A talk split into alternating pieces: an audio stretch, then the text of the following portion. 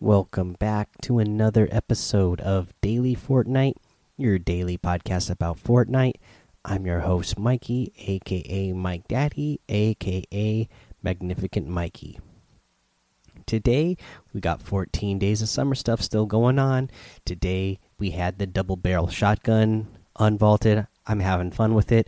The little bit that I got to play today, I picked up some eliminations with it. So, you know, when this when this weapon was originally released, I had fun with it when it first came out, and then it quickly proved to be a weapon that, you know, eventually didn't really fit for the meta because you to hit hard with it, you have to be so close. Uh, so it wasn't, you know, it didn't last as a high tier prominent weapon that you'd want to have in your loadout all the time for very long. But when it first came out, it was a it was a very fun, exciting uh, weapon to play with. And I, you know, again, now that it's back for a day, I'm having a fun time playing around with it. Uh, the the LTM that we got today is Leave None Behind. They do have it as a duos LTM. All players have a slurp effect, granting health and shields over time as long as their teammate is alive and not downed. If a player is knocked down, they become invulnerable to damage, but the heal over time effect that their teammate has will change to damage over time. Revive your partner as fast as possible. I haven't played this yet, but that one does sound a lot of fun. Uh, yeah, I, I, haven't played a whole lot today because I've been busy cleaning my garage. But the little bit that I played again, I had fun with that double barrel shotgun. I probably will play a little bit of this Leave None Behind because it does sound, uh, you know, like it would be an exciting one.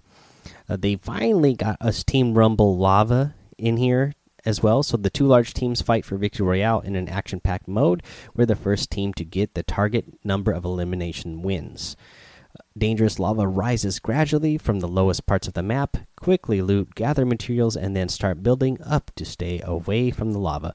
Uh, these these lava ones they can be kind of fun. When it was first uh, released originally, I had fun with the uh, the lava LTM.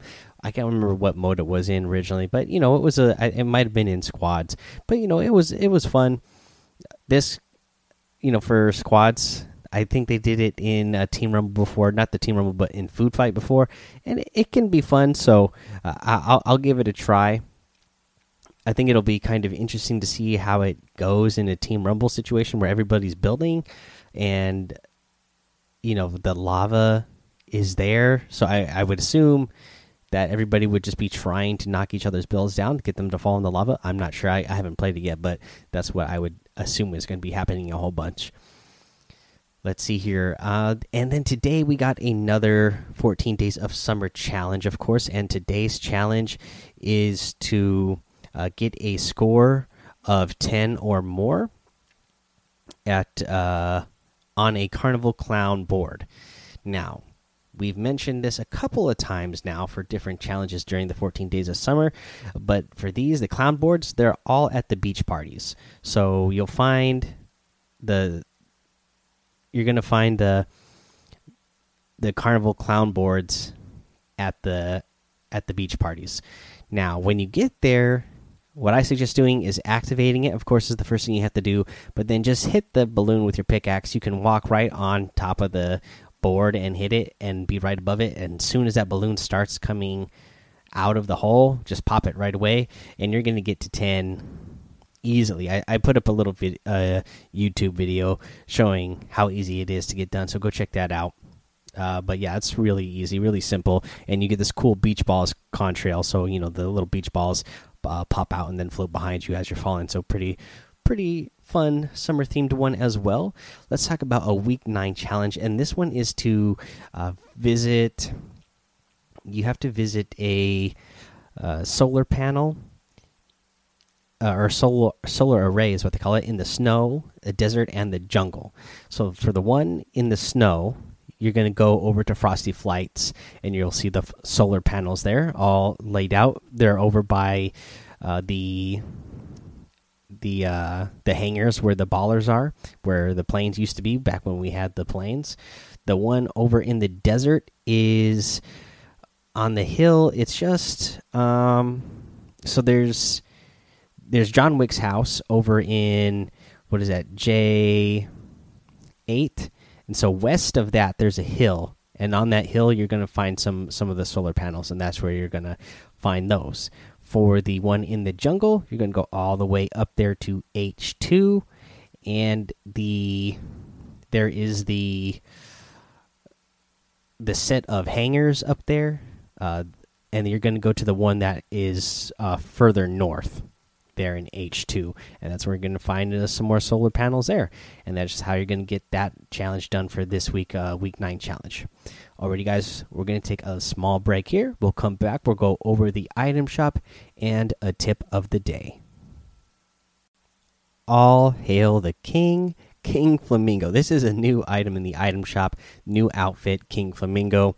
Some of us were born to fly. Dot dot dot. It's part of the flamingo set.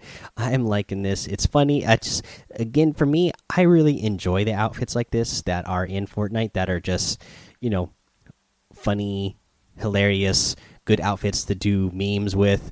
Uh, yeah, so you know he's got the, you know he's a full on in pink flamingo gear eh, all all over. It looks like the his little armbands and his belt look like uh they look like it's supposed to be yeah it's a hose. For sure.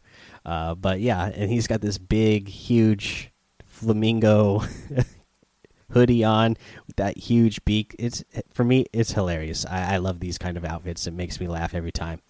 Uh, we also get a lawn breaker harvesting tool in the item shop today. Rule the lawn with an iron beak and this looks like your typical, uh, you know, pink flamingo uh, lawn decoration. Pretty neat. Uh, you know, I'm loving the whole set here. It's pretty funny. Uh, in the item shop, we still get that Stranger Things set. So you get Chief Hopper, you get the Demogorgon outfit, and the Vines wrap.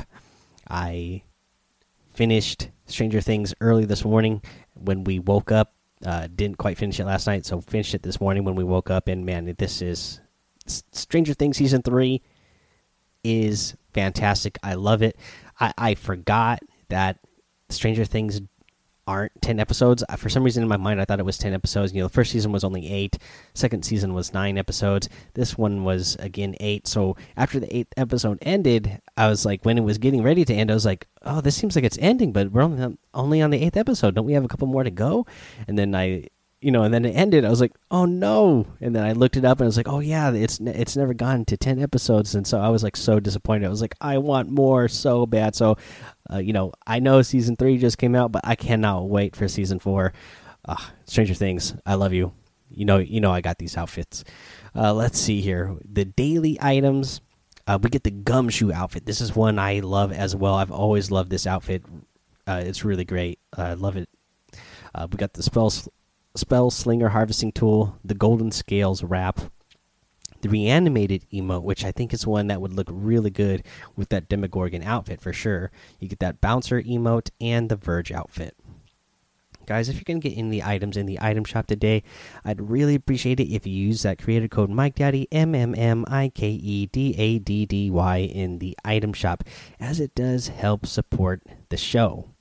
Now, for our tip of the day, let's talk about um, hitting more grenade launcher shots. And I was just uh, watching some uh, different clips of this. I've seen Cypher PK do it. I think it was. I saw 72 hours do it, and then uh, somebody else doing it. I can't remember who, but uh, this is a great tip. So what you can do is, you know, you have that grenade launcher. You want to hit more shots with it. I mean, for me, it's always you know, I'm just guessing. I'm like hoping that I can get the grenade to explode near the target that I'm trying to hit. You know, because when you you know when you have the the proximity one, sure, it's going to hit as soon as it's close enough to a target. But when you just have the regular one, you know, it's just it's ba it's all based on time. So if you mark your target and then get yourself about 65 meters away, and then shoot up so that your grenade makes an arc, so you'll be aiming above whatever your target is. By the time your grenade gets there, that it's going to explode like right on it, and that is the the perfect shot, perfect timing to do. So yeah, right right around in that range, 65, you know, you know 63 64 67 meters anywhere in that range so right around 65 meters uh, away from your target you know again aim above your target and you should land some grenade launcher shots which again are, you know to hit consistently with the grenade launcher is a big deal it's going to give you a really big advantage over your opponent so i would definitely uh, try try this out okay guys let's see here that is going to be the end of the episode. So go join the daily Fortnite Discord. Follow me over on Twitch and YouTube, Mike Daddy in both of those places. Head over to Apple Podcasts, leave a five star rating and a written review for a shout out on the show. Subscribe so you don't miss an episode. And until next time, have fun, be safe, and don't get lost in the storm.